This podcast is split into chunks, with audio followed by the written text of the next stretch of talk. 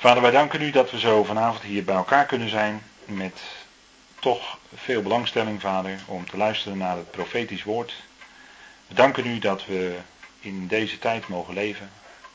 Beseffend, Heer, dat we in een tijd leven waarin het kwaad sterk toeneemt. Vader, en daaruit zien we dat de terugkeer van uw zoon niet ver meer kan zijn. Vader, we danken u dat we daar als gelovigen verlangend naar uitkijken. Vader, naar die bazuin Gods, die, waarvan we toch geloven dat die spoedig gaat klinken. Vader, tot die tijd kunnen we en mogen we bezig zijn om ook deze dingen te onderzoeken. Vader, naar wat geschreven staat in het profetische woord, dat, zoals Petrus dat zegt, zeer vast is. En ons licht verschaft over de tijd waarin we leven. En ons uh, zicht geeft op wie u bent bovenal. En uiteindelijk loopt het toch uit op de grote verlossing en bevrijding die er zal komen door uw geliefde zoon. Vader, en dank u wel dat hij ook degene is die centraal staat in de profetieën. Vader, zoals in heel uw woord hij het centrum is. Vader, dank u wel dat we met elkaar met dat woord bezig mogen zijn. Geef wijsheid en leiding door uw geest. En mogen we het verstaan met ons hart. Vader, en daar waar het misschien moeilijk is, soms hebben we altijd de mogelijkheid om nog een keer te luisteren. En te herluisteren misschien. Vader, we danken u daarvoor. We danken u dat we door u geleid mogen worden. En Vader, verschaf ons ook licht in toch soms moeilijke stukken uit uw woord. Vader, die al aanleiding zijn geweest tot veel uitleg. Maar dank u wel dat we via ook de concordante vertaling toch grote stappen verder komen. En vader, we danken u dat we zo hier met elkaar verenigd ons mogen buigen over die dingen. Vader, leid ons zo daarin. We danken u daarvoor. En mag het bovenal zijn tot eer van u. Vader, daar dank u voor in de naam van uw zoon. Amen. Goed, wij zijn gebleven, zoals gezegd, in Daniel 7. Daniel 7, ook al zo'n moeilijk hoofdstuk van de profeet Daniel. Daar hebben we de vorige keer al bij stilgestaan. En ik wil vanavond eh, met u kijken naar een aantal aspecten die wij nog niet hebben gezien. Maar die toch zeker onze aandacht verdienen. En die eh, wel degelijk ook toch wel erg belangrijk zijn. En ook waar veel verschil van visie over bestaat. Veel uitleg over is geweest. En dan is het goed om te kijken naar wat er echt geschreven staat. En u weet dat Daniel 7 spreekt over vier dieren, waarvan het vierde dier een monsterlijk wezen is, wiens poten en wiens kaken alles vertrappen en verbrijzelen, met andere woorden. Dat is natuurlijk beeldspraak, maar eh, soms ook denk ik wel letterlijk. Zal het zo zijn dat er een vierde dier zal zijn wat uh, wereldheerschappij krijgt, waar geen oorlog tegen uh, waar men geen oorlog uh, tegen zal durven voeren, omdat het zo'n enorme grote macht ontvangt. En uh, nou goed, daar willen we vanavond ook wat meer naar kijken. Naar de, de, een, een eigenschap van dat uh, vierde dier. En dat lezen we dan. Allereerst wil ik dan een tekst met u lezen uit Daniel 7, vers 7. Dat hebben we de vorige keer ook gelezen. Daarna keek ik toe, en ik lees u in de herziene statenvertaling, in de nachtvisioenen, en zie, het vierde dier was schrikwekkend, gruwelijk en uitzonderlijk sterk. Het had grote ijzeren tanden. Het at en verbrijzelde, en de rest vertrapte het met zijn poten. Het verschilde van al de dieren die ervoor geweest waren, en het had tien horens. En terwijl ik op de horens bleef letten, zie, een andere kleine horen rees daartussenop. Drie van de eerdere horens werden voor hem uitgerukt. En zie, in die horen waren ogen als mensenogen en een mond vol grootspraak. En dan vers 19, want dan komt de uitleg. Toen wilde ik de ware betekenis weten van het vierde dier, dat verschillend van al de anderen, uitzonderlijk schrikwekkend. Zijn tanden waren van ijzer, zijn klauwen van brons. Het at, verbrijzelde en de rest vertrapte het met zijn poten. En van de tien horens die op zijn kop zaten, en van die andere die oprees en waarvoor er drie afgevallen waren, namelijk die horen die ogen had en de mond voor grootspraak en waarvan de verschijning groter was dan die van zijn metgezellen. En ik had namelijk toegekeken en gezien dat die horen oorlog voerde tegen de heiligen en dat hij overwon. Totdat de oude van dagen kwam, de heiligen van de hoogsten recht verschaft werd en het tijdstip was bereikt dat de heiligen het koningschap in bezit namen. Goed, even tot zover. We lezen hier dus over dat vierde dier. En van het vierde dier wordt gezegd dat het tien horens heeft. En uh, nou weet ik niet of ik dat vorige keer iets over gezegd heb. Maar een horen is natuurlijk bij een dier een beeld van kracht. Als een ram horens heeft, dan stoot hij daarmee met zijn kop.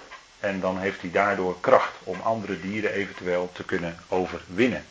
Dus een horen spreekt van kracht. In de schrift heeft de horen dan ook te maken met koningschap.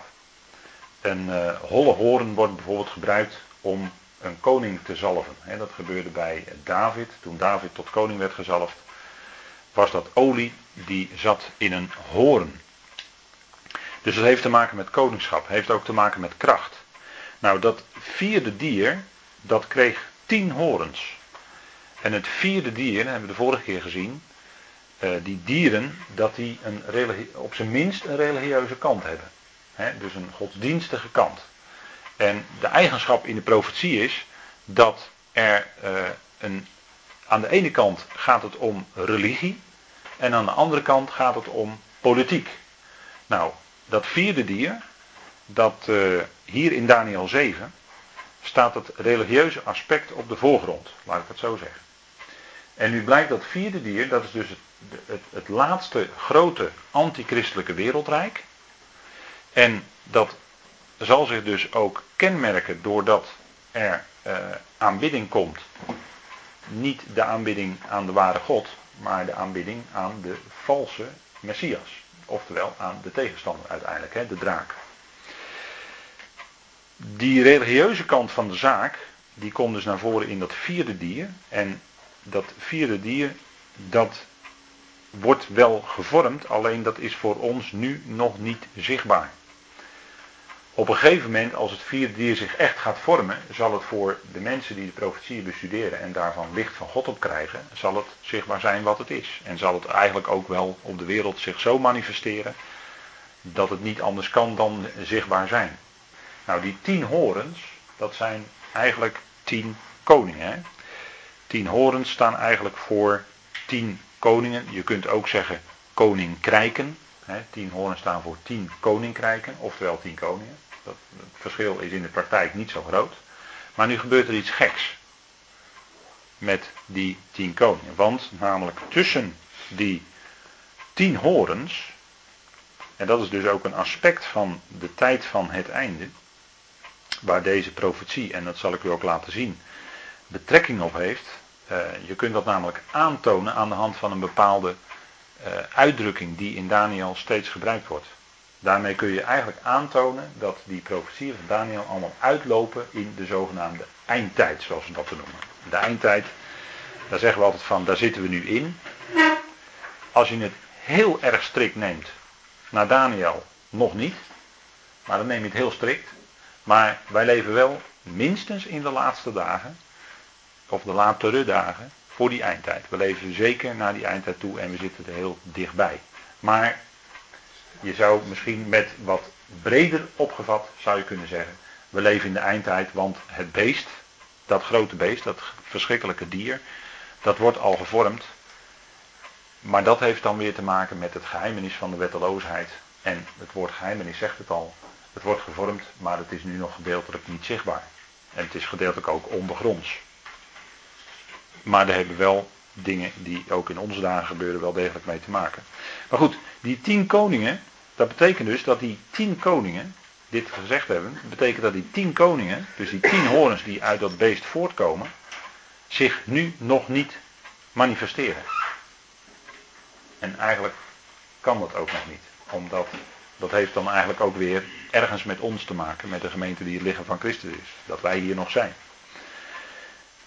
Maar pas in de tijd dus dat het vierde beest er is, pas in die tijd, en, ook zichtbaar zich zo zal manifesteren zoals Daniel het hier profeteert en zag in een visioen. Pas in die tijd zullen die tien koningen naar voren kunnen komen. En daarmee zijn alle theorieën over een hersteld Romeins Rijk en een tien statenbond, want hebben we jarenlang werd dat in uh, profetische uh, geschriften zoals het zoeklicht enzovoort, werd dat uitgebreid naar voren gebracht. Herlinci, denk ik ook wel, kan ik me niet zo goed meer herinneren. Planeet die aarde heette, hè, dat bekende boek van hem. Maar er werd altijd gesproken over een hersteld Romeins Rijk en een tien statenbond in Europa. Dat is jarenlang is dat een, zeg maar een item geweest. Maar dat, dat kan gewoon niet zo zijn, omdat eerst moet het wilde beest er zijn. Dus eerst moet die wereldmacht er zijn. En als dat er is, pas dan komen die tien horens op. Pas dan komt die tien statenbond naar voren. En we hebben al met elkaar gezien dat het eigenlijk zal zijn, hoogstwaarschijnlijk in het Midden-Oosten. Dat is toch waar we naar moeten kijken. We hebben gezien vanuit Griekenland, en daar komen we nog op in Daniel 8 uiteraard, maar dan wordt Griekenland ook letterlijk genoemd. Maar vanuit een groter Grieks Rijk zal er zo'n tien statenbond tevoorschijn komen. En dat zal zich toespitsen, zeker in het Midden-Oosten. Nou, zover is het nog niet. Um, die tien horens, dat zijn eigenlijk tien machten. Hè? Uh, koninkrijken, zou je ook kunnen zeggen. Koningen, militaire machten. Maar in vers 8 staat dat er een andere, een kleine horen, er tussen die tien horens opkwam. En die kleine horen wordt groot.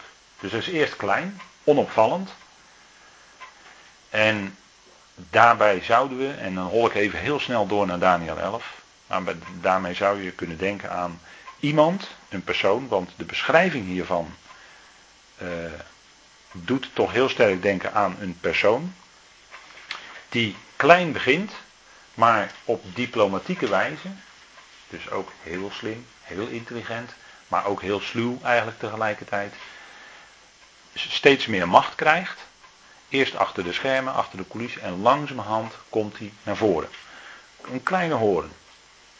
En die wordt zo sterk dat er zelfs drie van die horens, dus drie van die machten, drie van die koningen of koninkrijken, die worden uitgerukt. Dat is natuurlijk een beeldspraak voor dat drie moeten, uh, die worden door hem eigenlijk opzij gezet. En hij komt dan naar voren en uiteindelijk blijkt hij dan de grote machthebber te zijn. En de identiteit, daar gaan we vanavond ook nog wel iets meer over opzoeken. Wat dan precies de identiteit is van die kleine horen, die steeds machtiger wordt. Nou, die komt dus tussen die tien horens op. En staat en in die horen waren ogen als mensenogen. Dus er wordt al een suggestie gegeven dat het gaat hier om een mens. Ogen in schrift, in bepaalde visioenen hebben te maken ook met geestelijke dingen. Denk maar aan een uh, visioen van Ezekiel. Dan zijn het raderen vol met ogen. En dan gaat het dus om geestelijke macht, geestelijke machten zelfs. Geestelijke dingen waren mensen, ogen en een mond vol grootspraak. Houd die goed vast, hè? Een mond vol grootspraak. Want dat is wat die persoon, diegene kenmerkt. En dan lezen we even verder in de uitleg. Want in vers 23 van Daniel 7 staat dat het vierde dier zal het vierde koninkrijk op aarde zijn dus het is een groot rijk. Maar nogmaals, in Daniel, hier in Daniel 7 ligt de nadruk op het religieuze aspect. Het zal verschillen van de andere, van al de andere koninkrijken, dus de drie voorgaande, want in dit visioen gaat het om vier dieren. En hier gaat het dus om het vierde dier. Dus het zal verschillen van die andere, dus die andere drie feitelijk. En zal heel de aarde verslinden, het zal haar vertrappen en haar verbrijzelen. Als aanduiding dat dit dier dus de wereldmacht krijgt.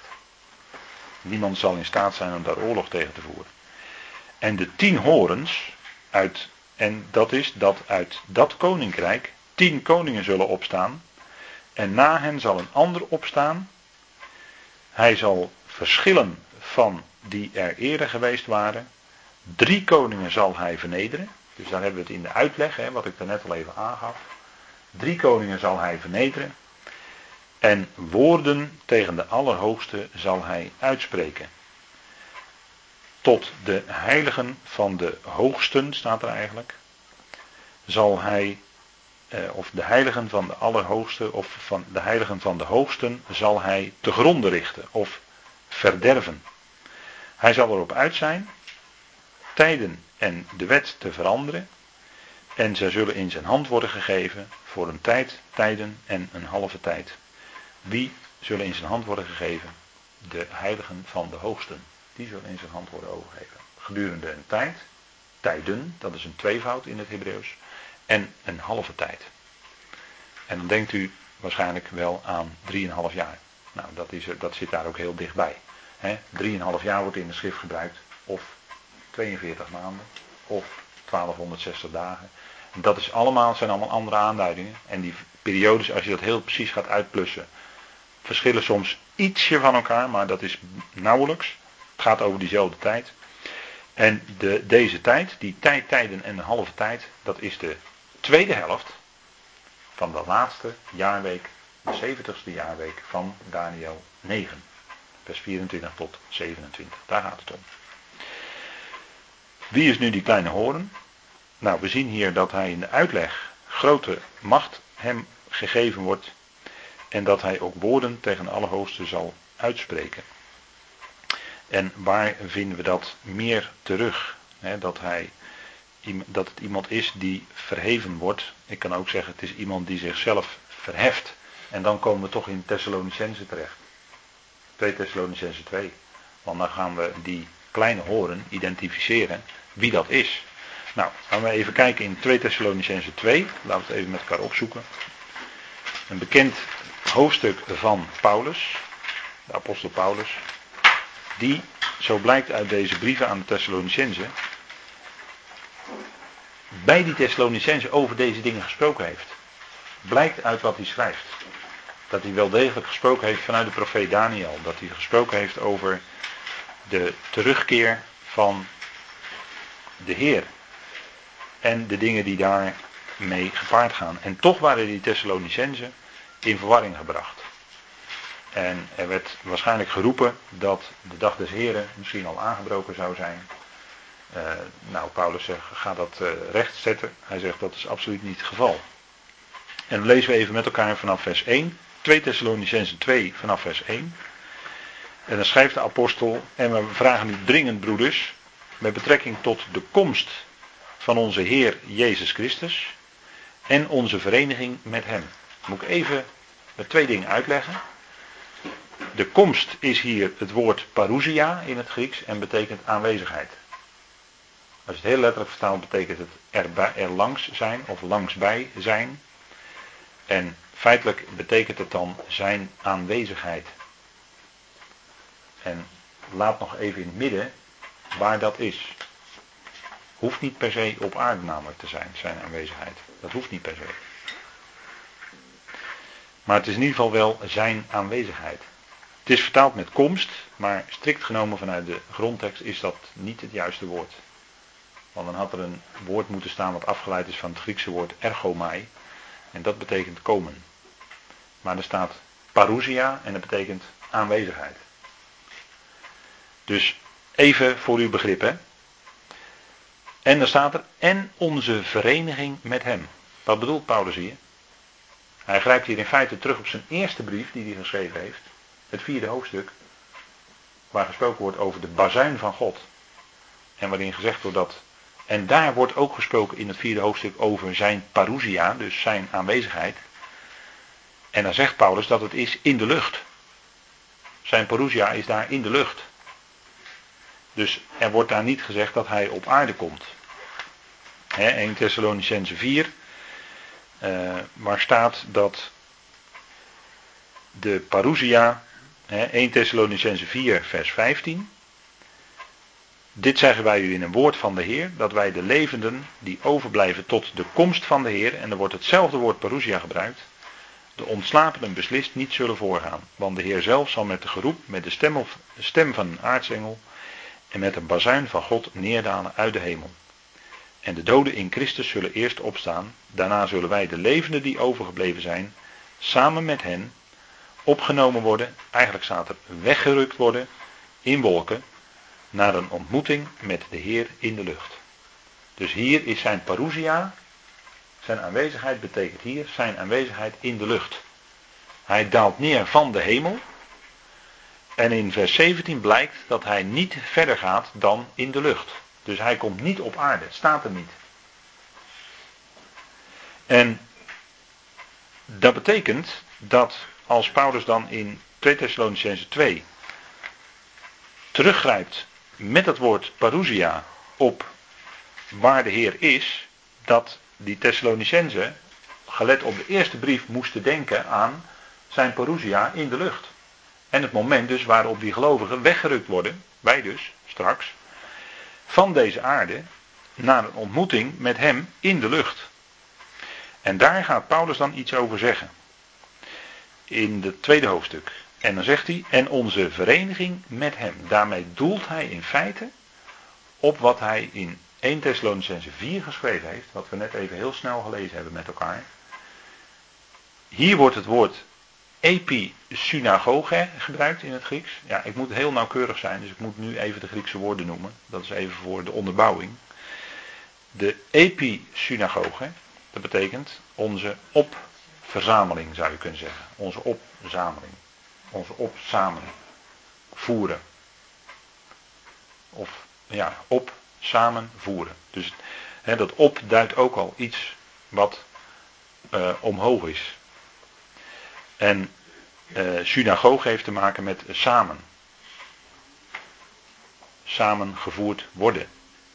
Dus Paulus gebruikt daar een ander woord, een bijzonder woord, maar hij duidt daarmee aan de wegrukking van de gemeente, het lichaam van Christus, tot de ontmoeting met hem in de lucht.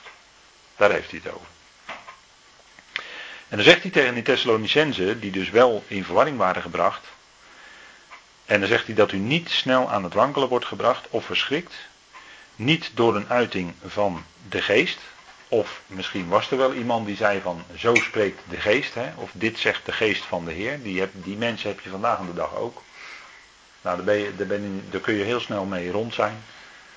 Want de schrift is gewoon compleet. Wij hebben een complete Bijbel waar niets meer aan toegevoegd kan worden, zelfs niet mag worden, omdat hij is al compleet. En als er dan iemand komt die zegt, zo spreekt de geest van de Heer, dan probeert diegene kennelijk zich als een profeet op te werpen en toe te voegen aan de Bijbel. En dat is, dat iets waar in de Bijbel ernstige bezwaren tegen worden gemaakt. En dat herhaal ik dan. zodra er iemand komt en zich opwerpt als een profeet en zegt, zo spreekt de Heer, dan denk ik eigenlijk onmiddellijk al van, Mm, denk het niet. Sorry, maar ik denk het niet. Ik denk heel kritisch op. En ik denk dat we dat allemaal als gelovigen zouden zijn. Hè. Toetsen aan de schrift. Wat wordt er gezegd? En als je dan zulke profetieën gaat toetsen, nou, dan kom je al heel snel erachter dat het misschien die persoon zijn eigen geest was.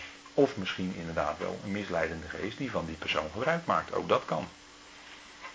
En die zijn er nogal wat vandaag aan de dag. Dus laat je niet verschrikken door een uiting van een geest, wie dat dan ook maar zegt. Het, wij zijn bezig met de schrift. Niet door een woord, dus misschien heeft iemand wel een prediking en allemaal heel interessant, maar toetsen aan de schrift. Dat is ook wat u doet met deze dingen die wij hier horen. Dan moet u toetsen aan de schrift. Nagaan of deze dingen zo zijn. Dat is, hè, dat is wat iedere gelovige zou doen. Dus niet door een woord en ook niet door een brief. Want er was misschien wel een brief geschreven door iemand anders en anders hadden de naam Paulus bijgezet. En dat was dan om die Thessalonicense in verwarring te brengen. En die methode die is nog redelijk actueel hoor. Daar heb ik wel eens voorbeelden van gehoord. Dat er een brief werd gestuurd en er werd de naam van een bekende evangelist ondergezet. En die was helemaal door het betreffende evangelist niet geschreven. En dat is echt nog niet zo lang geleden dat dat gebeurd is. Dus denk erom dat dit soort dingen, dit soort praktijken rondgaat. Ook dat is weer, ook al zou het een brief zijn van een grote evangelist, ook die zouden we toetsen aan de schrift. En dat is wat Paulus hier ook in feite ons wijst. Hè? Of door een brief die van ons afkomstig zou zijn, alsof de dag van de Heer al aangebroken zou zijn. Dat werd dan gesuggereerd. En Paulus gaat ze nu vertellen die Thessalonicense, dat daar nog wel iets aan vooraf gaat voordat die dag des Heren echt komt. Of voordat die dag des Heren echt er is. Want die periode voorafgaand aan de dag van de Heer, ja, dan zullen er gerichten zijn, dan zullen er oordelen komen over de wereld. Vers 3. Laat niemand u op enige wijze misleiden. En we leven vandaag de dag in de tijd dat de misleiding zo groot is. En zo dicht om de hoek ligt. Denk maar aan het grote internet. Waar op allerlei sites ook over eindtijdprofetieën wordt gesproken. En de meest wilde dingen kom je soms tegen. Ik heb hem een tijdje mee bezig gehouden, maar ik ben er maar mee opgehouden. Want het is, ja, het, het gaat soms zo ver en het leidt soms zo ver af van. En kost je dan ook weer zoveel tijd om, om daar dan weer. Dus, en er is zoveel verwarring op dat gebied. Begeef je maar tot de schrift zelf. Want, zegt Paulus, die dag komt niet, tenzij eerst de afval gekomen is. En wat bedoelt Paulus nu met die afval? Wat bedoelt Paulus nu met die afval? En dan grijpt hij in feite terug op wat, al bekend, wat hij ze al bekend had gemaakt uit de Tenach. Want op dit moment was er van het Nieuwe Testament, dat Paulus dit schrijft, nog niet zoveel geschreven. Zeker het boek Openbaring niet. Dus wat bedoelt Paulus dan met die afval hier? Daar heeft hij iets mee op het oog. En dat, daar, dat ligt hij ook verder wel toe in dit hoofdstuk. En de mens van de wetteloosheid, de zoon van het verderf, geopenbaard is. Dus nou gaat Paulus toe naar een bepaalde figuur. En dan zegt hij in vers 4 van de tegenstander, die zich ook verheft, boven al wat God genoemd, of als God vereerd wordt. Dus er is iemand die krijgt grote macht en die gaat zichzelf boven iedere God verheffen. Dus dat is, dat is bijzonder wat dan gaat gebeuren. Zodat hij als God in de tempel van God gaat zitten en zichzelf als God voordoet. Dus wat geeft Paulus hiermee aan? Dat als hij op het toneel verschijnt en die grote macht ontvangt en die grote macht krijgt en zich gaat verheffen, dat er dan een tempel is. Daar is ook altijd heel veel discussie over. Zal er nu wel of geen tempel staan? Maar ik ben ervan overtuigd dat er dan een tempel zal staan. Omdat Paulus dat hier schrijft namelijk. Zodat hij als God in de tempel van God gaat zitten en zichzelf als God voordoet. En openbaring 11 vers 1, dat hebben we laatst gelezen in verband met een andere studie, namelijk die van de tweede dood. Daar staat dat Johannes de tempel moest gaan opmeten. En dat is een tempel die er dan zal staan in Jeruzalem, in de heilige plaats. Dat kan niet anders, anders valt er niks op te meten. Ik ben daar heel eenvoudig in misschien, maar als er iets opgemeten moet worden, dan moet er ook een gebouw zijn, anders valt er niks op te meten, lijkt mij. He? Even, misschien even goed om met elkaar te lezen. Het boek Openbaring, dat is voor velen toch een uh, heel erg moeilijk boek. En dat is goed te begrijpen hoor, want dat is ook niet makkelijk. Maar boek Openbaring. En gaat er nu, uh, Openbaring 11, daar komen we later best nog wel op terug. Maar voor nu even uh, vers 1 en 2 alleen. Openbaring 11. Want die twee getuigen daar, daar komen we ook nog wel op. Als we de tijd nog hebben. Laat ik dat ook erbij zeggen. Maar het gaat nu even om wat in vers 1 en 2 staat. En mij werd een meetlat gegeven die op een staf leek. En de engel die erbij was gekomen staan, zei: Sta op en meet de tempel van God, het altaar en hen die daarin aanbidden. Maar laat de buitenste voorhof van de tempel erbuiten en meet die niet, want die is aan de heidenen gegeven. En ze zullen de heilige stad vertrappen 42 maanden lang. Dus hier wordt gezegd, meet de tempel op. De tempel mocht hij opmeten. Er zal dus een tempel staan. En die wordt dan opgemeten. En dat is dan, uh, daar zullen dan kennelijk de Joden tot op zijn zeker moment hun ritueel kunnen doen. Maar dat zal op een gegeven moment ook stopgezet worden. Ook daar spreekt de profetie over. En dan zullen de heidenen die zullen de heilige stad ook vertrappen, hè, staat er dan, 42 maanden lang. En dat aan het einde van die 42 maanden, aan het einde van die 42 maanden, dat is het einde van de tijden der heidenen. Dus er wordt ook vaak over gediscussieerd wanneer is het einde van de tijd van de heidenen. Ik zal u een paar jaartallen noemen van uitleg. Eerst werd gezegd 1917. Toen generaal, de Britse generaal Allenby Jeruzalem veroverde. Toen werd er gezegd, door profetieuitleggers, einde van de tijden van de heidenen. Want nu werd uh, Jeruzalem in christelijke handen, hè, Groot-Brittannië, christelijk land. Hè, en daar kan je ook nog heel veel over vertellen hoor. Maar christelijk land, christelijke natie, generaal Allenby doet, uh, stapt van zijn witte paard af en raadt Jeruzalem binnen. En men zei: het is het einde van de tijden van de heidenen. Goed. 2. 1948, stichting van de staat Israël. Van de Joodse staat, moet ik eigenlijk zeggen. Stichting van de Joodse staat. Toen werd er ook gesuggereerd einde van de tijden van de heidenen. Klopte niet helemaal, want Jeruzalem was niet in bezit van de Joden zelf. Toen kregen we een oorlog in 1967. En toen werd Jeruzalem eigenlijk, kwam Jeruzalem eigenlijk door die oorlog met de Westbank en alles in handen van de Joden. Joodse soldaten en was een, nou werd ook alom gezegd van nu is het einde van de tijden van de heidenen. Maar ook dat was niet het einde van de tijden van de heidenen. Want hier wordt gezegd in openbaring 11 vers 2 dat die stad uh, en zelfs die voorhof van die tempel gegeven is aan de heidenen. En ze zullen, die zullen de heilige stad vertrappen, dat is Jeruzalem, 42 maanden lang. Dus dat betekent dat het nog zeker niet nu het einde is van de tijden van de heidenen. Dat is pas in de toekomst, aan het eind van die 42 maanden. En dat is nog pas dus tot, hè, dus die tijden van de heidenen duren tot het einde van de 70ste jaarweek van Daniel. Dan pas is het einde van de tijden van de heidenen, want dan kunnen ze niet meer die stad vertreden. Dan is dat afgelopen. Omdat de Messias, de grote Messias, de Heer zelf komt. Dus dat even over die tempel van God. Nou gaan we even terug naar 2 Thessalonicense 2. Daar wordt dus gezegd over die mens van de wetteloosheid. Dat hij zich als God zal laten aanbidden. En als God in die tempel van God gaat zitten. En de aanbidding van de mensheid gaat opeisen. En dan zegt Paulus in vers 5. Herinnert u zich niet dat ik u deze dingen zei toen ik nog bij u was? En u weet wat hem nu weerhoudt, opdat hij op zijn eigen tijd geopenbaard wordt. Want het geheimenis van de wetteloosheid is al werkzaam.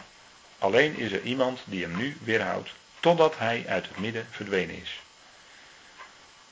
En pas als die weerhouden, als hij die weerhoudt uit het midden verdwenen is, pas dan, staat er, zal de wetteloze geopenbaard worden. Pas dan kan die zich volledig openbaren als inderdaad de wetteloze. En wat is het kenmerk van de wetteloze? Dat hij zich helemaal niets aantrekt van wetten en regels. Daar zal hij zich boven verheven weten. Daar zal hij boven verheven zijn. Hij zal kunnen doen, ongeacht wat voor wetten er gelden, maar hij zal naar eigen goeddunken, om het zo maar te zeggen, of kwaaddunken kan ik beter zeggen, zal hij dan handelen. En dat is wat uh, in de toekomst gaat gebeuren. En dat zal zijn, nou inderdaad, tijd, tijden en een halve tijd. De wetteloze zal geopenbaard worden. En dan zal, zegt Paulus in vers 8, de Heer zal hem verteren door de geest van zijn mond. En te niet doen door de verschijning bij zijn komst. En hier wordt, gebruikt Paulus opnieuw het woord parousia. Maar dan de verschijning bij zijn komst. Dus dan gaat de Heer ook echt verschijnen op aarde. Gaat hij zich openbaren, bekendmaken. En dat is dan zijn aanwezigheid op aarde, als hij dus zijn voeten gaat zetten, onder andere op de Olijfberg. Maar dat is onder andere hoor. En dat is dus de, komt de Heer zelf, hè, de Heer Jezus komt zelf als de Messias. En er wordt tegenover gezet, vers 9, dat is dan de wetteloze. Wiens komst, wiens parousia, want die wetteloze heeft ook een parousia, die zal ook aanwezig zijn, daarvoor. Overeenkomstig de werking van de Satan of de tegenstander. Met allerlei krachten, tekenen en wonderen van de leugen en allerlei misleiding van de ongerechtigheid in hen die verloren gaan. Omdat zij de liefde van de waarheid niet aangenomen hebben. Daarom zal God hun een krachtige dwaling zenden, zodat zij de leugen geloven. En dat heeft allemaal te maken met wanneer breekt dit allemaal door? Als de weerhouder is weggenomen, dat is de gemeente, het lichaam van Christus. Dus als wij als gelovigen allemaal hier weg zijn, als het lichaam van Christus weg is, dan zal heel snel die leugen, Daarbij zegt Paulus hier een krachtige dwaling, die zelfs door God gestuurd wordt. En daar gebruikt God natuurlijk leugengeesten voor, uiteraard. Maar dan zal de leugen heel erg snel doorzetten. En men zal in verbazing die wetteloze achterna gaan. En hoe doet de tegenstander dat nou? Doordat die wetteloze woorden spreekt. En nu gaan we even terug naar Daniel 7. Want dat is het geestelijke aspect en daar moeten we goed op letten. Hij spreekt namelijk woorden tegen de Allerhoogste. Hij spreekt woorden tegen de Allerhoogste.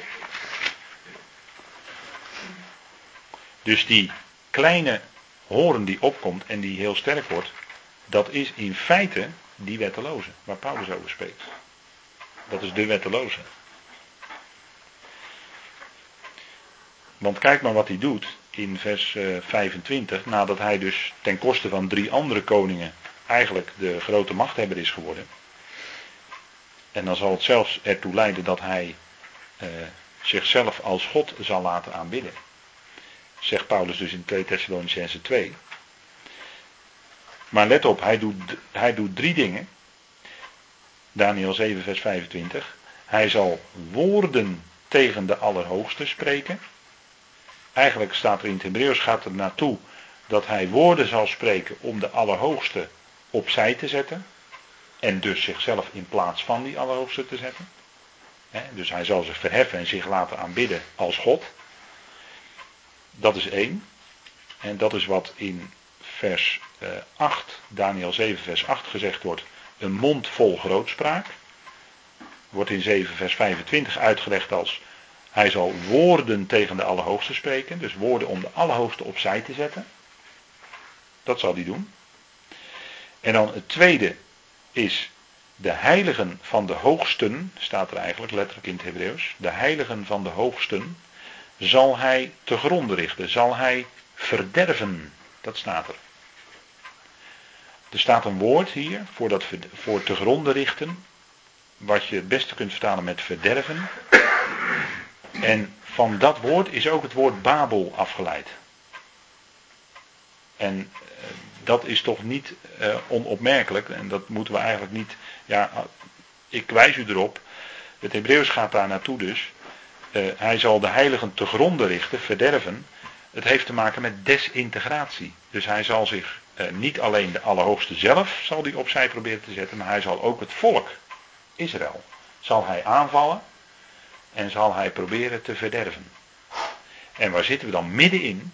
Nou, ik denk dat u zo het antwoord kan geven. Dan zitten we dus middenin wat de Bijbel noemt de grote verdrukking. hij zal de heiligen van de hoogsten, dat is Israël, zal hij verderven. Desintegratie, grote verdrukking. Wie die maar te pakken kan nemen, die zal die ook te pakken nemen, die zal die ook doden. Als het hem, en hij zal proberen om dat hele volk te grond te richten. Zal hem niet lukken, maar er staat zelfs in Zacharia dat twee derde van het volk zal omkomen. Dat is iets hoor. Twee derde van het volk wat in het land is, zal omkomen in die tijd. Nou, dat is wat hoor. Dus hè, wat hier staat van die wetteloze, eh, dat is niet niks.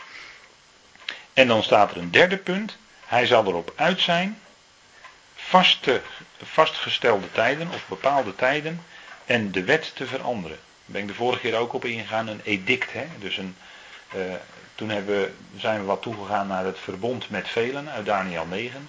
Wat hij dan ineens, hè, er is een afspraak gemaakt. En dat had kennelijk te maken, heeft kennelijk te maken, kan bijna niet anders met het ritueel in Jeruzalem. Wat de Joden willen doen, hè, als ze een tempel hebben en ze willen offers brengen en al dat soort dingen. Daar zal een afspraak over gemaakt worden als een soort uh, afspraak naast dat verbond, of een onderdeel ervan. En dat zal hij dan veranderen. We weten uit de profetieën dat hij dat ineens zal hij dat omkeren en stopzetten. Dus hij zal een edict veranderen.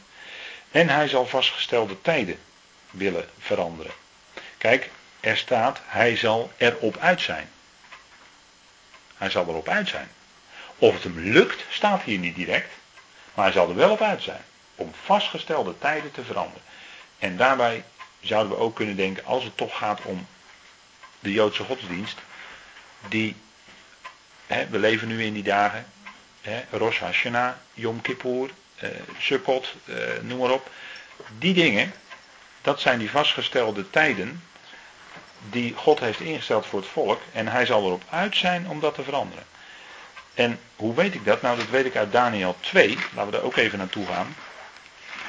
Want dan wordt voor u wat duidelijker wat die, waar die dan op uit is in die eindtijd.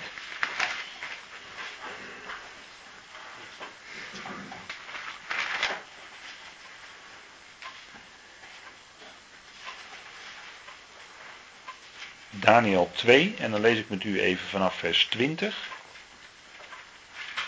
En er staat Daniel nam het woord en zei, de naam van God zij geloofd. Van eeuwigheid tot eeuwigheid, want van hem is de wijsheid en de kracht. Hij verandert de tijden en de vastgestelde tijdstippen. Of de vastgestelde, hè, wat vastgesteld is. En dat heeft te maken met tijden. Dus hier voor dat vastgestelde tijd wordt hetzelfde woord gebruikt als in Daniel 7, vers 25. Kijk, God zelf, ja, God zelf is de Allerhoogste. Hij verandert wel tijden. Als hij dat wil, verandert hij tijden en tijdstippen. En die wetteloze, die zal erop uit zijn om dat te doen. Met andere woorden, hij wil daarmee die plaats van God innemen. Hij wil eigenlijk hetzelfde doen als God zelf, maar dat recht is alleen aan God zelf voorbehouden. Maar hij zal er wel op uit zijn, zover zal hij gaan. Dus, dat, dus als u in dat licht ziet, dan ziet u waar hij mee bezig is. En wat hij, wat hij in feite wil.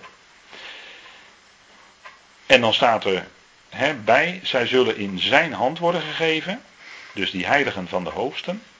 Voor een tijd, tijden en een halve tijd. En dat lijkt zo'n wat mysterieuze uitspraak. Als je dat niet weet hoe dat zit. Maar tijd is eh, enkelvoud. Tijden is een dualis in het Hebreeuws, dus een tweevoud. En een halve tijd, nou dan zit je aan 3,5. En dan kom je toch, als je het naast de andere profetie legt, dan kom je aan die 3,5 jaar. Dus dat volk zal aan hem overgegeven worden gedurende 3,5 jaar. Tweede helft van de 70ste week van Daniel 9. En Daniel is toch een heel bijzonder boek, want in geen enkel ander boek van profetie vind je zoveel dingen over tijdstippen, over tijdsaanduiding. En dat heel nauwkeurig. Daarom is Daniel eigenlijk een, een soort scharnier, zou je kunnen zeggen, in de profetie. En heb je het ook nodig om die profetie te gaan begrijpen.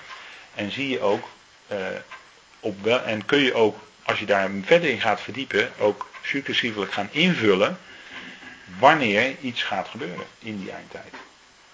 Nou goed, we zitten er allemaal nog voor. Deze dingen gaan nog gebeuren. En die grote verdrukking, en dankzij natuurlijk wat later is geopenbaard, weten we nog meer. Want uh, de Heer Jezus, die heeft natuurlijk ook iets gezegd hè, over die 70ste week. En over het verderven van het volk, over het overgegeven worden in de handen van die wettelozen, wat grote verdrukking voor hen zal opleveren. Benauwdheid van Jacob wordt ook genoemd. Um, daarover straks nog wat meer, naar aanleiding van Matthäus 24. Maar we lezen nog even verder in Daniel 7, en dan vers 26. Want daar komt dus opnieuw, zoals we dat ook net al zagen bij Paulus in 2 Thessalonicenzen 2, het einde van die loopbaan van de wettelozen naar voren, om het zo maar te zeggen. En dan staat er in vers 26, dan zal het gerechtshof zitting houden. Men zal hem zijn autoriteit ontnemen of zijn heerschappij, hem verdelgen en tot het einde, staat er dan letterlijk, vernietigen. Dus dat is het einde van de loopbaan van de wettelozen. Dus het eindigt hier met de grote overwinning natuurlijk voor God en zijn Christus en het volk. Maar het koningschap staat er dan in vers 27 en de heerschappij en de majesteit van de koninkrijk onder de hemel, onder de hemelen, zullen gegeven worden aan het volk van de heiligen van de hoogsten. Daar heb je het weer, hè? De heiligen van de hoogsten. Een hele typische uitdrukking, maar het slaat op het volk Israël. Waarom wordt het heiligen van de hoogsten genoemd? Omdat zij, hoewel ze nu nog in vernedering zijn en straks nog door een diep dal moeten, dan als volk inderdaad de kop zullen zijn en niet de staart. wat we onlangs nog in een uh, spreekbeurt hebben gehoord op zondag. ze zullen de kop zijn en niet de staart, zoals in Deuteronomium staat. En, dan zullen in, in het komende rijk zullen dus de rollen omgedraaid zijn. Nu is het volk nog vernederd. En is er veel antisemitisme en dat zal alleen maar heel veel erger worden. Helaas moet ik dat zeggen, maar het is aangezegd de profetie. En dan, in de duizend jaar, in het koninkrijk, in de dag des Heren, zullen de rollen omgedraaid zijn. Dan zal namelijk Israël het volk zijn van koningen en priesters en zullen zij de leiding hebben over de andere volken. Dus dan zijn de rollen ineens omgedraaid. Vandaar de heiligen van de hoogsten, dat ze hier genoemd worden. Dat is al wijzend op hun functie, hun positie in, in het komende rijk. In het komende rijk van duizend jaar. Goed, uh, dan gaan we nog even met elkaar kijken naar die uitdrukking die in de herziende staatvertaling met een sterretje in de voetnoot is aangegeven. Namelijk volledig. Vers 26. Hij zal de hem zal de heerschappij ontnomen worden. Men zal hem verdelgen en volledig vernietigen. En dan staat er letterlijk tot het einde. En die uitdrukking die te maken heeft met het einde, die komt eigenlijk voor door heel de profetie van Daniel heen. En daaraan kunnen we eigenlijk zien dat die profetieën die Daniel doet, eigenlijk allemaal uitlopen en eigenlijk allemaal hun brandpunt vinden in die laatste week van Daniel 9. Dat wordt namelijk verbonden met de tijd van het einde. Of wat dan altijd in geschriften wordt genoemd de eindtijd. Maar nogmaals, heel strikt genomen is dat eigenlijk die laatste week van Daniel 9. Nou, die, die uitdrukking eh, tot het einde of tot de tijd van het einde, die vinden we dus op diverse plaatsen in Daniel. En ik wil dat om u, te laten, om u het te laten zien even langslopen. Dat is allereerst Daniel 2, vers 42.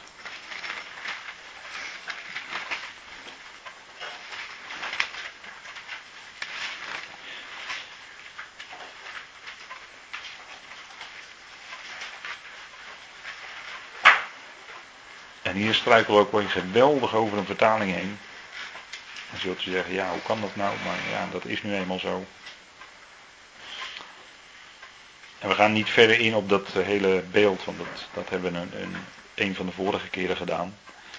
Maar Daniel 2 vers 42, en er staat er, en de tenen van de voeten, gedeeltelijk van ijzer en gedeeltelijk van leem, dat koninkrijk zal gedeeltelijk sterk zijn en gedeeltelijk broos. En dan staat er eigenlijk, staat er, en dat lijkt misschien heel vreemd, maar dat is wel diepgaand uitgezocht. En dat koninkrijk zal aan het einde machtig zijn. Dat koninkrijk zal aan het einde machtig zijn. Dus hier zien we dus dat die uitdrukking aan het einde ook hier wordt gebruikt. En nogmaals, het is een moeilijke zaak, want de, ja, de, de teksten zijn hier en daar toch in de loop van de tijd uh, niet helemaal uh, eh, 100% goed overgeleverd. En men heeft via allerlei onderzoek, is men teruggegaan via de Griekse vertaling van het Oude Testament, de Septuaginta. En dat soort zaken, die teruggingen op een veel oudere Hebreeuwse tekst heeft men uh, allerlei dingen weer naar boven weten te krijgen. En natuurlijk de fonds van de Qumran-rollen heeft ook weer het nodige herstel van de Hebreeuwse tekst opgeleverd. Dus ja, door het overschrijven is er hier en daar toch, zijn er dingen gebeurd. En daar heeft dit ook onder andere mee te maken. En dat heeft ook te maken met de eigenheid van de Hebreeuwse taal, dat je soms een woord kun je terug herleiden naar verschillende Hebreeuwse woorden. Dat is ook mogelijk. Bijvoorbeeld het woord Babel kun je op verschillende manieren terug herleiden. Om maar even een bekend woord te nemen. Dat kun je op, twee, misschien wel drie manieren terug herleiden. Dus het ligt altijd ook niet zo eenvoudig in het Hebreeuws. Hoe dat precies, eh, van welke woordstam iets is afgeleid. Meestal kun je het terugleiden tot een drieletterige woordstam, maar soms ook tot een tweeletterige woordstam. Nou goed, ik ga niet verder in, want dan wordt, het een taaltechnisch verhaal. Maar daarmee wil ik wel even laten horen dat het soms heel ingewikkeld ligt. En uh, in dit geval kunnen we toch vanuit een betrouwbare onderzoeker wel aanvaarden dat hier het gaat om dat het koninkrijk aan het einde machtig zal zijn. Dus even, dat is Daniel 2. Dan komt die uitdrukking, of een soortgelijke uitdrukking, ook voor in Daniel 8. En dan in vers 17.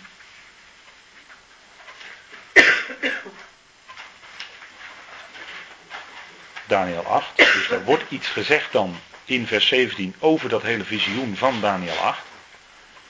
Dus dan hebben we weer een handvat.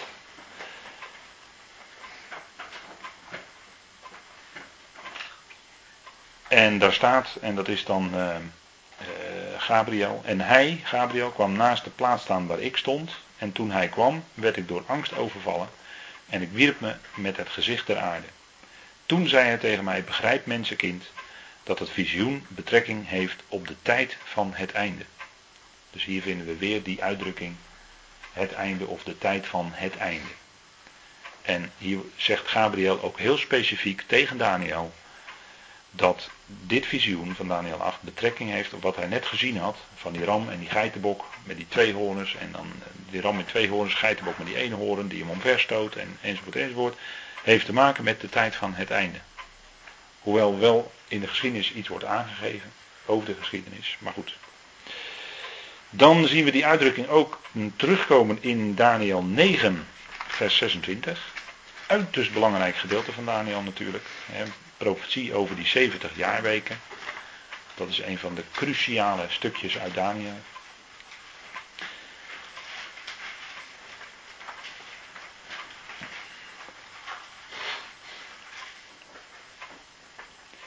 En daar staat in vers 26, en na de 62 weken zal de Messias uitgeroeid worden, maar het zal niet voor hemzelf zijn. Dit wordt gesproken profetisch over de kruisiging van de Heer Jezus. Hè. Een volk van een vorst, een volk dat komen zal, zal de stad en het heiligdom te gronden richten. Het einde ervan, hebben we het hè, het einde ervan zal zijn in een overstromende vloed, en dat is waarschijnlijk water, en tot het einde toe zal er oorlog zijn, verwoestingen waartoe vast besloten is. Dus de strijd, ook over Jeruzalem, zal zijn tot het einde. Het einde waarvan? Nou, van die 70ste jaarweek. Want het gaat hier over die 70ste week. Het einde.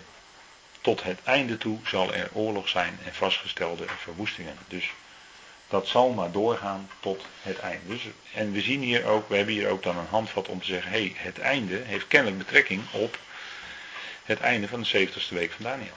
Dus we weer, komen we weer een stapje verder. Hè?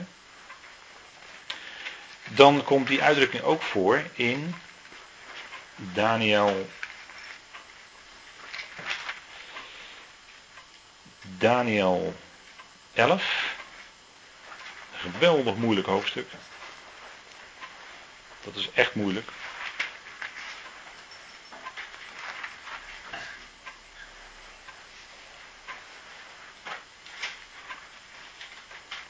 Maar goed, dat, uh, dat heeft ook te maken met nog toekomstige dingen.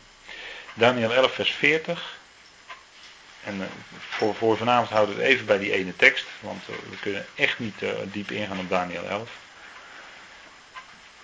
Dan zal in de tijd van het einde de koning van het zuiden hem met de horens stoten. En dat met de horens staat hier in de vertaling cursief, dus dat hoort eigenlijk niet bij de tekst. En de koning van het noorden zal op hem aanstormen met wagens en met ruiters en met veterschepen en hij zal de landen binnentrekken, ze overspoelen en er doorheen trekken. Maar goed, dat even. Maar dus wordt weer hier gesproken over de tijd van het einde. Dus ook dit visioen of dit profetisch vergezicht van Daniel spreekt over de tijd van het einde. Dus zien we opnieuw dat deze profetieën zich strekken tot echt die eindtijd. Hè, heeft betrekking op die eindtijd.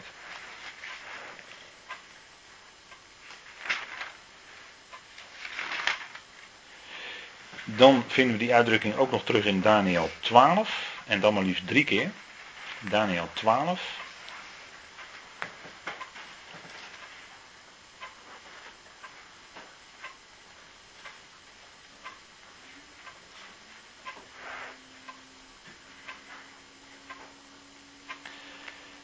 Staat, in die tijd zal Michael opstaan, de grote vorst, hij die uw volksgenoten bijstaat. Het zal een benauwde tijd zijn, zoals er niet geweest is sinds er een volk is geweest, tot op die tijd. Dus heb je die uitdrukking, bepaalde uitdrukking weer, hè? tot op die tijd. En die tijd zal uw volk ontkomen. En in die tijd zal uw volk ontkomen, ieder die gevonden wordt, opgeschreven in het boek. Hier wordt gesproken over de grote verdrukking. Het zal een benauwde tijd zijn, zoals er niet geweest is sinds er een volk is geweest, tot op die tijd. Deze woorden worden door de Heer Jezus ook gebruikt hè, in Matthäus 24. En staat er tot op die tijd. Dus er wordt weer een heenwijzing gegeven naar het einde toe. Hier, dit is duidelijk de grote verdrukking. In die tijd zal uw volk ontkomen, het gelovig overblijfsel. Enzovoorts. En dan vers 4, Daniel 12, vers 4. Maar u, Daniel, houdt deze woorden geheim en verzegelt dit boek tot de tijd van het einde. Velen zullen het onderzoeken en de kennis zal toenemen. Nou, dat is een waar woord. Hè. Velen zullen het onderzoeken, maar het boek is verzegeld tot de tijd van het einde. Dus alles echt kunnen zien wie, hè, wie het is om wie het gaat, zal pas echt dan in die tijd onderkend kunnen worden. Dus wij kunnen nog niet van tevoren zeggen, eh, bijvoorbeeld wat we net lazen in Daniel 11, eh, de koning van het noorden, de koning van het zuiden, wie zijn dat exact? Heel erg moeilijk. Omdat, waarom is dat? Omdat dit boek verzegeld is. En het is al bijzonder, denk ik, dat we er toch iets van, misschien iets van mogen begrijpen. Maar, nogmaals, we moeten uiterste voorzichtigheid betrachten hiermee. En velen zullen het onderzoeken inderdaad en de kennis zal toenemen. En nu is er een andere lezing vanuit het Hebreeuws mogelijk voor dat woord kennis, namelijk het woord kwaad. Dit wordt vaak geciteerd, hè, dat mensen zeggen, ja, in de eindtijd zal de kennis toenemen. En nu, en daardoor denken ze dat ze nu in de eindtijd leven, omdat inderdaad de kennis wel toegenomen is. Maar eigenlijk, met de beste handschrift, staat er eigenlijk het woord kwaad. Dus het kwaad zal toenemen. Het kwaad zal toenemen. En dat is wat wij ook zien in onze tijd. Het kwaad zal toenemen. En dat doet het ook hand over hand. En waarvan de Heer Jezus zei, de wetteloosheid zal toenemen hand over hand. Nou, dat is ook zo'n vorm van enorm kwaad natuurlijk. En heeft allemaal kwalijke, heel erg kwalijke gevolgen. Goed, en dan hebben we nog twee, 12 vers 9, nog twee in Daniel 12 van die uitdrukkingen. Toen zei hij, ga heen Daniel, want deze woorden blijven geheim en verzegeld, opnieuw hè, verzegeld, tot de tijd van het einde. Daar hebben we hem weer, hè? weer die uitdrukking. En dan ten laatste in vers 13. Maar u ga heen tot het einde, want u zult rusten en u zult opstaan in uw bestemming, of in uw lot, deel eigenlijk, aan het einde van de dagen. Dus aan het einde van de dagen. Dat is weer zo'n soortgelijke uitdrukking. Ze zijn niet allemaal precies tot op de letter hetzelfde, maar het zijn wel soortgelijke uitdrukkingen die sterke overeenkomst hebben. Er wordt gesproken over het einde en dan in verband met een bepaald tijdstip. Met een bepaalde dag of wat dan ook. Ja? Goed, wij gaan even, daarmee zijn we ook aan het einde van het eerste deel van de avond. We gaan even met elkaar pauzeren. Goed, wij waren gebleven bij eh, Daniel 12 uiteindelijk. En we gaan terug naar Daniel 7. En we hebben daar met elkaar gekeken naar het uh, vierde beest, of het vierde wilde dier. Zo wordt het in openbaring. En dat uh, dier, dat komt natuurlijk na die drie andere, die van elkaar verschilden. En er wordt gesproken over een leeuw en een beer. Ik heb eigenlijk gezien waarschijnlijk een leeuwin en een berin en een luipaardin of een luipaarddes, hoe moet je dat zeggen? Ik weet het niet precies in het Nederlands. Ik ben niet zo goed. Uh, luipaardster, ja, zou ook nog kunnen. En dan komt het vierde dier. En dat vierde dier, dat wordt ook, en daar komen tien koningen uit voort. En dan die ene grote koning, zeg maar. Nou, we hebben daarvan gezien dat, dat, uh, dat we die kunnen identificeren als de wetteloze in 2 Thessalonicense 2. zeg maar de, de sterke man, hè, waar toch steeds meer uh, roep om komt in de wereld. Hè, de grote sterke man, die moet nou maar eens een keer komen en orde op zaken stellen. Nou, zolang wij er nog zijn, zal hij zich niet kunnen openbaren. De weerhouder, dat is de, het lichaam van Christus, dat is de gemeente. Die, moest eerst, die moet eerst weggenomen zijn en pas daarna kan de wetteloze zich gaan openbaren. Dan kan hij pas zijn epifania hebben. Om het even op zijn Grieks te zeggen. Zijn verschijning. Dus dat, is, dat zijn lijnen die u goed uit elkaar moet houden, omdat Paulus dat ook doet. Dus eerst moet de weerhouder weg. 2 Thessalonians 2. En pas daarna kan die wetteloze zich gaan openbaren. En die wetteloze die openbaart zich en zal pas echt aan de macht kunnen komen aan het begin van de 70ste week van Daniel. Dat betekent, ik zeg het nu even heel kort door de bocht, maar dat betekent dat dus de, het lichaam van Christus uh, opgenomen wordt, zoals we heel kort geleden in 1 Thessalonische 4, uh, opgenomen wordt, weggerukt wordt voor het begin van de laatste jaarweek van Daniel. Omdat dat twee verschillende lijnen zijn. De lijn in de profetie is, als het gaat om Israël, 70 jaarweken, hebben we al uitgebreid met elkaar gezien. Profetie wordt tegen Daniel gezegd over uw stad en over uw volk en uw heilige stad. Daar gaan die 70 jaarweken over. Dus die 70ste jaarweek is gewijd aan zijn volk, Daniels volk, Israël, en de heilige stad. Daar gaat het over. En die wetteloze die zal het verbond hè, bevestigen of versterken met velen gedurende 1 zevener, staat er dan.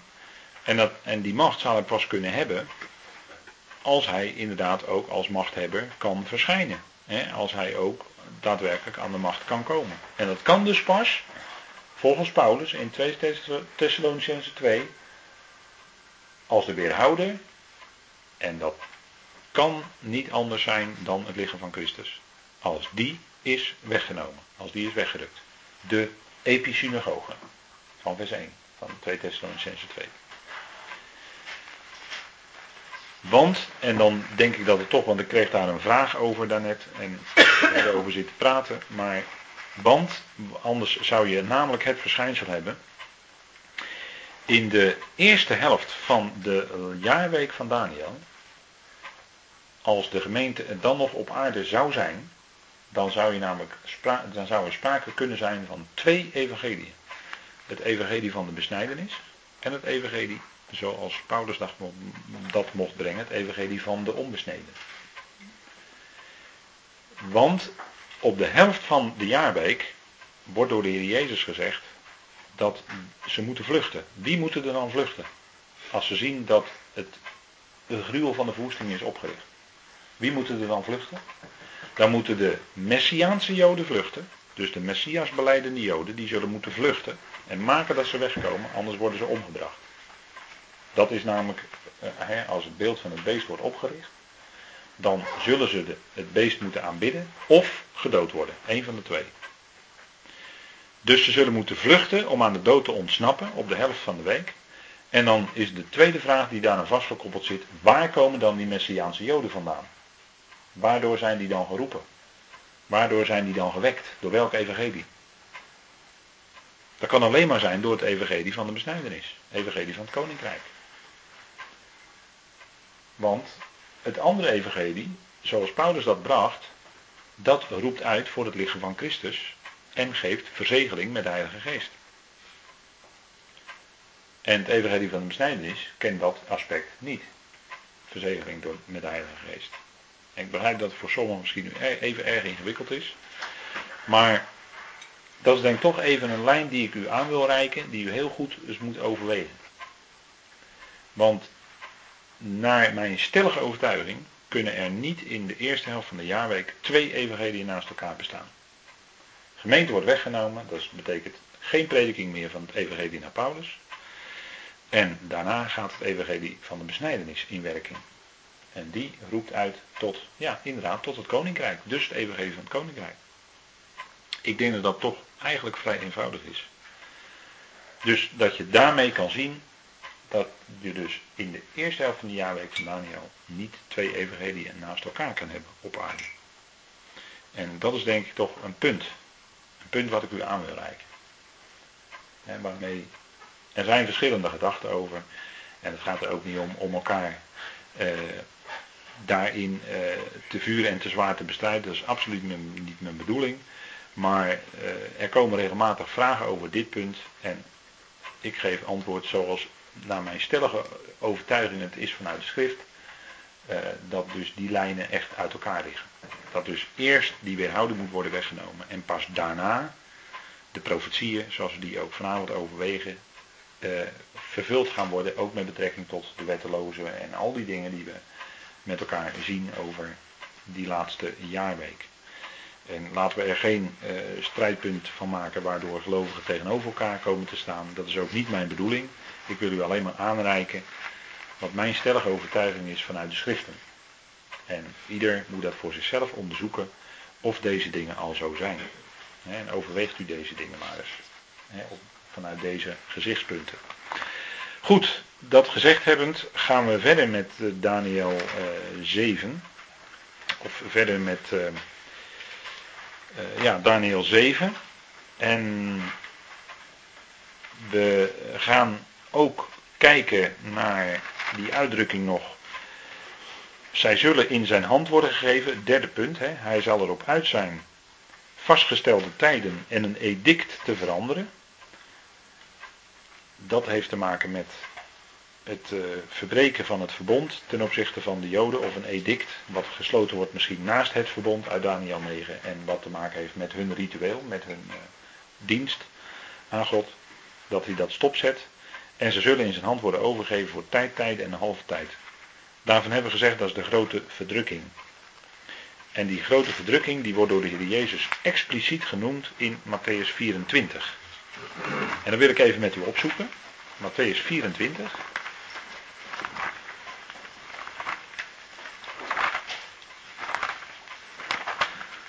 Want die uitlopers van die profetieën van Daniel, of waar die profetieën naartoe gaan, die visioenen, allemaal hebben we gezien, gaan ze toe naar de tijd van het einde. En de tijd van het einde spitst zich nu eenmaal toe in die laatste jaarweek van Daniel. En ook nog een periode daarna. Maar daar zullen we in de toekomst, als er daar de tijd nog voor vergund wordt, eh, zullen we daar ook nog op ingaan. Maar in uh, Matthäus 24 staat.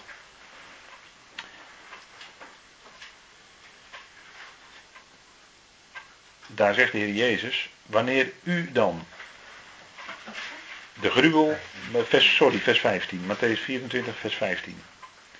Wanneer u dan de gruwel van de verwoesting, waarvan gesproken is door de profeet Daniel, zult zien staan in de heilige plaats, laat hij die het leest daarop letten, laten dan zij die in Judea zijn vluchten naar de bergen. Wie op het dak is, moet niet naar beneden gaan om iets uit zijn huis te halen, en wie op de akker is, moet niet terugkeren naar wat hij achterliet om zijn kleren te halen.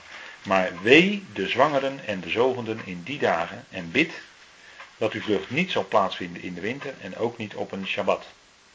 Want dan zal er een grote verdrukking zijn, zoals er niet geweest is vanaf het begin van de wereld tot nu toe en zoals er ook nooit meer zal zijn. En als die dagen niet ingekort werden, zou er geen vlees behouden worden, maar ter wille van de uitverkorenen zullen die dagen worden ingekort. Of uh, anders geteld. Of verteld. Zoiets staat er.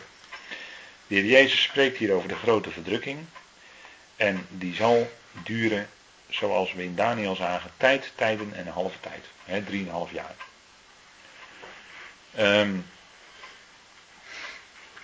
die grote verdrukking duurt ook wordt op een andere plaats gezegd 1260 dagen. 1260 dagen. Dus daarom zegt de Heer Jezus ook als die dagen niet ingekort dan wel eh, verteld zouden worden. Nou, die zijn ingekort tot 1260 dagen. Dus het zal 1260 dagen duren, echt niet korter. Want dat, dat lijkt dan hier gezegd te worden. Hè? Maar die tijd is vastgesteld hoor. Dat gaat echt 3,5 jaar duren. En ik heb al eerder gezegd dat de historische school hiermee er gewoon helemaal naast zit. De historische school die wil, graag wil dat alles wat in Daniel staat al lang gebeurd is. Dat zegt de historische school in de theologie. Die wil alles naar het verleden toe verklaren. En wat doen ze? Dan zeggen ze dat bij de verdrukking onder Antiochus Epiphanes, waar uh, Flavius Josephus ook over spreekt in zijn uh, boeken, dat, die, uh, dat dat eigenlijk die grote verdrukking is geweest. Klopt niet. Klopt niet, want die duurde drie jaar. Die duurde geen drieënhalf jaar. Dus het is toen niet in vervulling gegaan. Bovendien was Antiochus Epiphanes ook niet zo'n wereldheerser als de wetteloze zelf. Het was wel een wetteloos iemand hoor. Gaat u maar eens lezen in, He, gaat u maar eens over hem lezen, Antiochus Epiphanes. Nou, dat was geen. Uh, dat was echt wel een wetteloze iemand. Maar de wetteloze. Die zal een paar graadjes erger zijn. Dus wat in Daniel staat, en dat is wat de Heer Jezus hier ook betuigt, hè, is nog toekomst. Hij zegt, wanneer u dan. En de discipelen vroegen, wanneer zal het einde zijn van de eon? Hè? Dat was een van hun vragen. We hebben het vanavond over de tijd van het einde. Wat is het teken van uw komst? Matthäus 24, vers 3 vroeg ze aan de Heer Jezus. En van de voleinding van de aion staat er dan. Staat niet wereld, maar er staat aion in het Grieks. Er staat geen kosmos, maar er staat aion. Dus de discipelen vroegen naar het einde van de aion. Dus ze vroegen naar de tijd van het einde zoals in Daniel geprofiteerd. En dat hadden ze natuurlijk ook gelezen. Dat kenden ze die nacht. Ze kenden Daniel. En vandaar dat de Heer Jezus daar antwoord op geeft en zegt: Ja, uh, er zal een grote verdrukking zijn. En daarvan is gesproken in verband met die gruwel van de verwoesting, waarvan gesproken is door Daniel. We hebben het ook gelezen vanavond, hè? Daniel 12, vers 1. Daniel 12, vers 1. Dat wordt door de Heer Jezus hier geciteerd. er zal een grote verdrukking zijn, zoals er niet geweest is vanaf het begin van de wereld tot nu toe en ook nooit meer zijn zal. Hiermee citeert hij gewoon uit Daniel 12, vers 1, die hij natuurlijk heel goed kende. En daar zegt hij, als die dagen niet ingekort zouden worden, nou, ze zijn ingekort tot 1260 dagen, zo lang zal het duren. En je moet, als je een Messiaanse Jood bent, vluchten. Want wie lezen dit? Wie lezen Matthäus 24 straks? Joden die in de Messias geloven.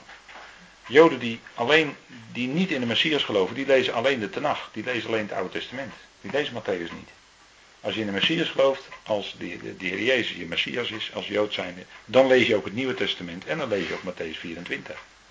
Dus dan weet je, als je in die tijd leeft als Messiaanse Jood, dan weet je dat als dit gaat gebeuren, die gruwel van de verwoesting, het oprichten van het beeld van het beest in Jeruzalem, op die heilige plaats, als dat gebeurt, moet je maken dat je wegkomt. En dan is het een kwestie van seconden zelfs. Ga niet meer in huis om nog wat van je huishoud mee te pakken, want je bent te laat. Je zou moeten vluchten naar de bergen. Nou, dat kan op verschillende plaatsen zijn. Ik denk altijd in Petra, in Jordanië, die rotstad, Petra, Sela. Zou misschien ook Engedi kunnen zijn, want daar heb je ook heel goede schuitplaatsen. En dat is, wat dichter, dat is misschien wat dichterbij, zou ook kunnen. Maar er zijn genoeg aanwijzingen in de profetie dat een gelovige overblijfsel wel degelijk daar bewaard gaat worden. In de tijd van grote verdrukking, in Petra. En in vroegere tijden, als het volk verdrukt werd, zijn er ook Joden naar Petra gevlucht. Hè? Men wist dat. Uit de schriften die ze al hadden. Men wist dat. Dat daar een plaats is van bescherming. Dus dat is ook wat trouwens Bosra ligt daar ook. En dat is een hele mooi woord, want het betekent schaapskooi. Dus daar wordt de kudde van Israël, de schapen, worden daar verzameld. Dat is eigenlijk heel mooi. Dat, het past zo mooi bij elkaar. En dan zegt de Heer dus van als je ziet dus die gruwel van de verwoesting, dus het beeld van het beest wat opgericht wordt, dan moet je vluchten naar de bergen en dan gaat die grote verdrukking. En dat gebeurt op de helft van de jaarweek. En dan gaan die tijden lopen van tijd, tijd en halve tijd, 1260 dagen, 42 maanden. Heeft u vast wel eens iets over gehoord, hè? 42 maanden. Nou, we hebben, we hebben het gehad over die wetteloze die zijn mond vol grootspraak heeft. En die woorden zal spreken om de Allerhoogste opzij te zetten. We hebben gelezen, hè, Daniel met elkaar. Vanavond. Nou, hij krijgt de mogelijkheid om dat te doen. En om te lasteren 42 maanden lang. Zullen we dat eens lezen in openbaring? Want dan komen we in het Bijbelboek openbaring. Weer even terug openbaring.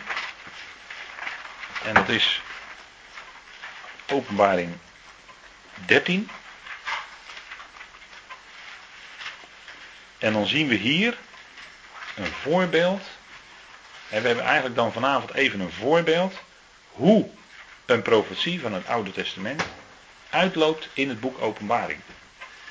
Openbaring 13 is daar een voorbeeld van. En zo hebt u wel meer van die voorbeelden.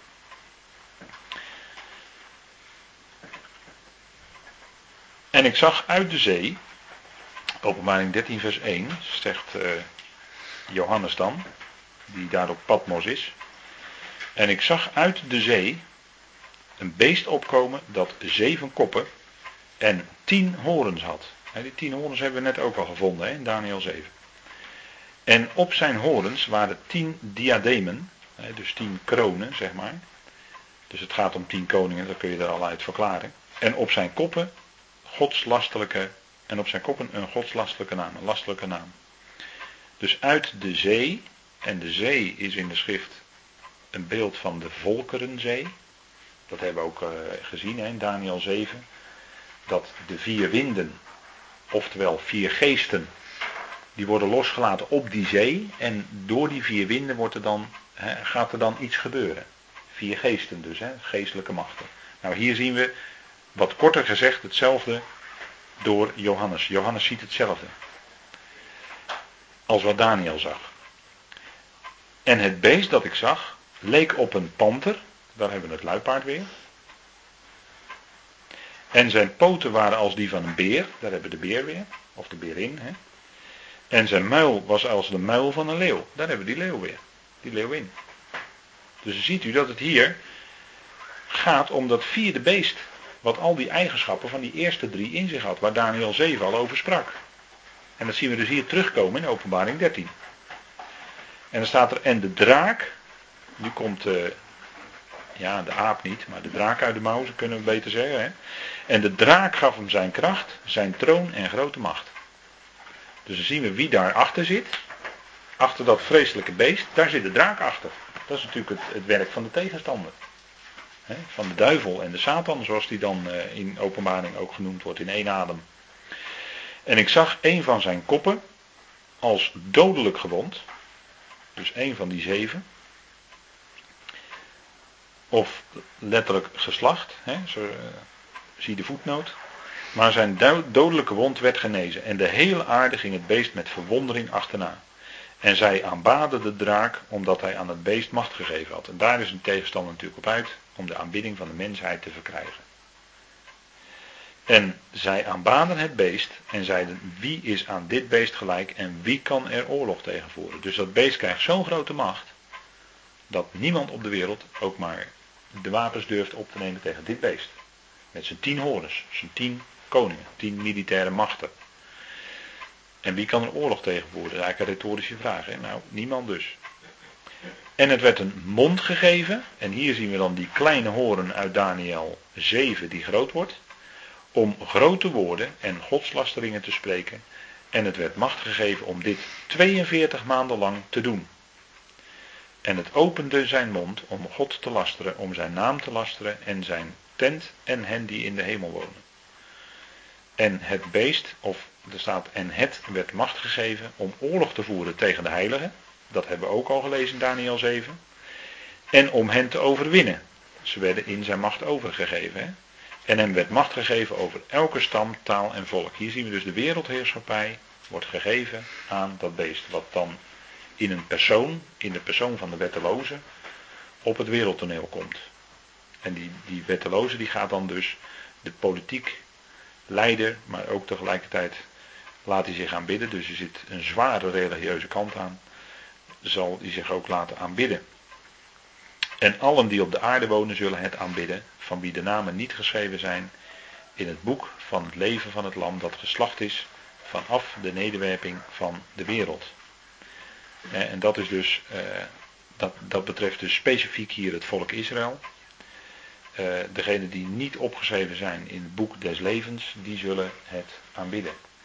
En uh, als men dus alsnog wil overgaan tot, laat maar zeggen, als men overgaat tot, tot geloof. Als men tot geloof komt, dan zal men, dat ook met de dood moeten gaan bekopen. Dan zal men dat met de dood moeten bekopen. En die worden ook aangeduid, hè, die, die joden die dan geslacht worden, doordat, door, omdat zij dus dat beest niet willen aanbidden. Maar er staat de doodstraf op als ze, het, uh, als ze dat weigeren. Die joden die dat wel hebben gedaan, hè, die dus uh, niet meer dat beest wilden aanbidden, maar tot geloof zijn gekomen, die worden gedood. En die worden in de openbaring ook genoemd. Weet u wie dat zijn? Ja. Wie zijn dat? De zielen onder het ja, altaar. Dat zijn de zielen onder het altaar. Hè? En misschien is het goed om daar heel even naar te kijken, omdat het ook een tekst is die veel verwarring eh, heeft gegeven. De zielen onder het altaar, dat is eh, openbaring 6. De zielen onder het altaar.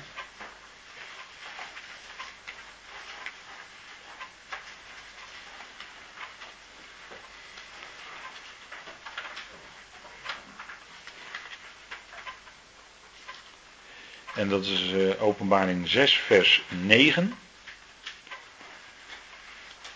En daar staat, en toen het lam het vijfde zegel geopend had, zag ik onder het altaar de zielen van hen die geslacht waren, omwille van het woord van God en omwille van het getuigenis dat zij hadden. En zij riepen met luide stem, tot hoe lang heilige en waarachtige heerser, oordeelt en wreekt u ons bloed niet aan hen die op de aarde wonen. Dit zijn dus degenen die gedood zijn, omdat zij het getuigenis hadden van het woord van God en van Jezus. En om die reden worden zij gedood straks in de grote verdrukking. En die, laten we zeggen, die martelaren, hè, dus die ter dood gebracht zijn om hun geloof, dat zijn die zielen onder het altaar. En dan zult u zeggen, ja, hoe kan het nou dat die zielen roepen? Terwijl ze al gedood zijn. Maar dit is in een beeld gesproken. En dit is wel een beeld wat vaker in de schrift gebruikt wordt. Namelijk, het gaat in vers 10 over hun bloed. Hun bloed, wat gestort is toen zij gedood werden, dat roept eigenlijk van van de aarde om wraak, om rechtzetting, om gericht. En waar lezen we dat nog meer van? Bijvoorbeeld van Abel, het bloed van Abel. Het bloed van Abel, dat riep tot God van de aardbodem om een rechtzetting, hè, om een terechtzetting van Kain. En uh, dat is dus een beeldspraak. Kijk, dat bloed op zich, ja, dat, dat is hè, er gebeuren vreselijke dingen, die mensen worden gedood, hun bloed vloeit. En dat bloed dat roept, maar kijk, dat bloed dat, dat ligt op de aarde. Hè, even heel plastisch gezegd, dat bloed is op de aarde gestroomd. En dat is gewoon bloed. Dat heeft geen mond. Maar dat bloed dat gevloeid is, dat, daar, daar spreekt natuurlijk uit dat ze vreselijk vervolgd zijn. En dat ze daarom zelfs gedood werden om hun getuigenis. En dat bloed wat op de aarde is geplengd, dat roept als het ware niet letterlijk, maar dat roept als het ware om wraak. En dat is wat we hier in de openbaring lezen. En de ziel, zegt de schrift in de Viticus, de ziel is in het bloed. Vandaar dat hier wordt gesproken over de zielen onder het altaar. Dus het is een wat beeldende, of wat, er worden wat andere uitdrukkingen gebruikt, maar als je de andere schrift erbij legt, hè, de ziel is in het bloed. Nou, wat roept er dan? Je kunt aan de ene kant zeggen, ja, die zielen roepen, maar wat is het feitelijk? Het is het bloed. Want die zielen, die, die hè, letterlijk genomen, bestaan die niet meer, die zijn er niet meer. Die mensen zijn gedood. Die zijn dood. Die kunnen niet meer roepen.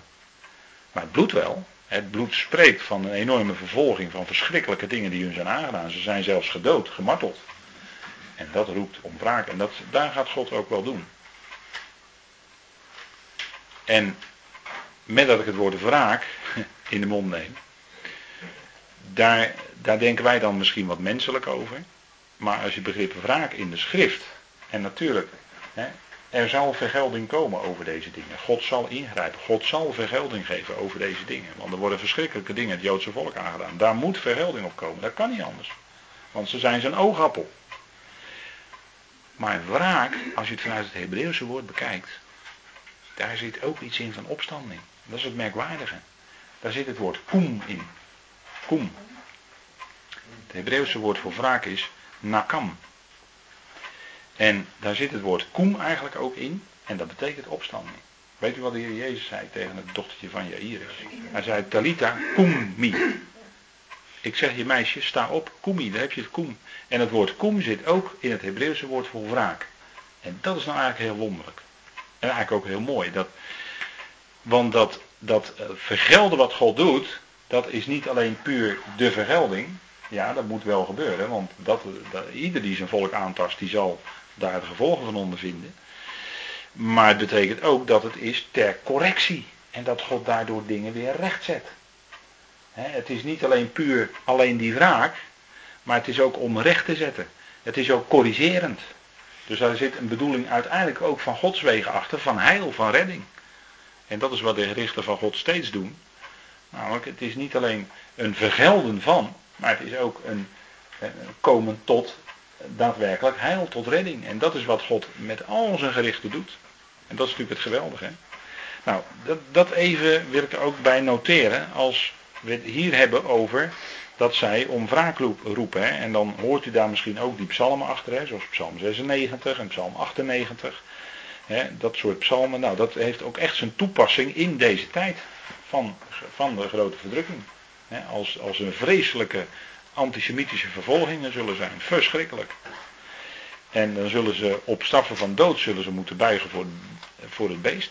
En, en natuurlijk zullen die orthodoxe joden dat ook niet kunnen. En die zullen dan ook omgebracht worden. En anderen zullen dat misschien wel doen om, om het vege lijf te redden. Eh, hoe, dat, hoe dat dan ook maar toe gaat. Maar, dus dat bloed, dat roept dan om wraak. Hè? Hoe lang, o heilige en waarachtige Heer, oordeelt en wreekt u ons bloed niet aan hen die op de aarde wonen. En dan hebben we de verzekering, het duurt niet langer dan 1260 dagen, die grote verdrukking. Het duurt niet langer dan zo. Maar er komt ook, ook aan die vreselijke tijd, komt een einde. En dan zal de Heer ingrijpen en dat doet hij kort, hevig en snel. En dat is ook wat het boek uh, zegt. Hè? Dus die zielen onder het altaar, dat zijn diegenen uit het Joodse volk die gedood zijn omdat zij het woord van God vasthielden en omdat zij het getuigenis van Jezus hadden. Daarom werden ze gedood. Ze wilden niet buigen voor het beeld van een beest en het beest. zo scherp zal het zijn straks in die tijd van grote verdrukking. En daar gaan we naartoe, heel snel. En dat zien we ook in onze tijd gebeuren. Die, die hele onrust die er is in de Arabische wereld, waarin toch in korte tijd leiders die tientallen jaren daar zaten, Mubarak, Gaddafi, uh, we hebben nu ook veel onrust in het land Syrië. Waar allerlei dingen gebeuren die, die niet eens in de pers komen, denk ik. Ik denk dat er veel ergere dingen gebeuren dan dat wij horen. Maar je, je, je kunt er eigenlijk wel op wachten, denk ik, dat die Assad ook wel eens afgezet gaat worden. Want die onrust blijft maar in dat land aanhouden. En dan krijg je misschien wel eenzelfde als een soort Libië. Uh, maar goed, we weten het niet. We zullen moeten kijken hoe zich dat verder ontwikkelt. Maar we zien wel het, opmerkelijke dat het is in korte tijd toch Arabische landen een verandering, een machtswisseling krijgen. Hè. Belangrijke landen zoals Egypte, Libië is ook een behoorlijk belangrijk land in die regio. Nou, we hebben natuurlijk uh, Syrië is natuurlijk een belangrijk land. Jordanië, daar zit een wat ander koningshuis op dit moment. En wat we ook niet moeten onderschatten, omdat er heel veel Palestijnen in Jordanië wonen die daar toch een enorme macht vertegenwoordigen. Hè, qua bevolkingsaantal, moet u ook niet vergeten. Dus deze dingen, het is daar in beroering. En dat, dat is een beroering die zich snel voltrekt. En daarin zien we toch de contouren van de eindtijd. Hè, ook het boek Openbaring, die dingen die daarin beschreven staan. Als ze gaan gebeuren, dan gaat het heel snel. als deze dingen zich voltrekken, zal het snel zijn. God zal snel, kort, hevig ingrijpen. Maar het zal ook natuurlijk zijn tot redding uiteindelijk, hè, tot stichting van dat komende rijk. Nou, daar kijken we met Israël natuurlijk naar uit. Goed, nou ik wil het uh, hierbij laten voor vanavond, omdat toch uh, ja, vanwege de tijd. En dan uh, hopen wij een volgende keer, waarvan u weer een uitnodiging zult ontvangen, verder te gaan met Daniel 8. En dan gaan we toch echt kijken naar die ram en die geitenbok. En uh, ook dat is weer een bijzonder hoofdstuk. Dus dan gaan we weer een stap verder zetten in deze profetie. Goed, wij zullen aan het eind van deze avond de Heer danken. Vader, wij danken u dat we vanavond ons weer konden buigen over bijzonderheden uit uw woord, Vader. De profetie, profetische boeken die toch een behoorlijk deel van de schrift in beslag nemen. Vader, waarin toch soms misschien beknopt en soms ook wat uitgebreider dingen beschreven staan die gaan gebeuren. Vader, mogen we deze dingen meenemen en thuis ook toetsen of deze dingen al zo zijn, Vader. Nagaan in de schriften. Dat is toch onze, een van onze opdrachten als gelovigen.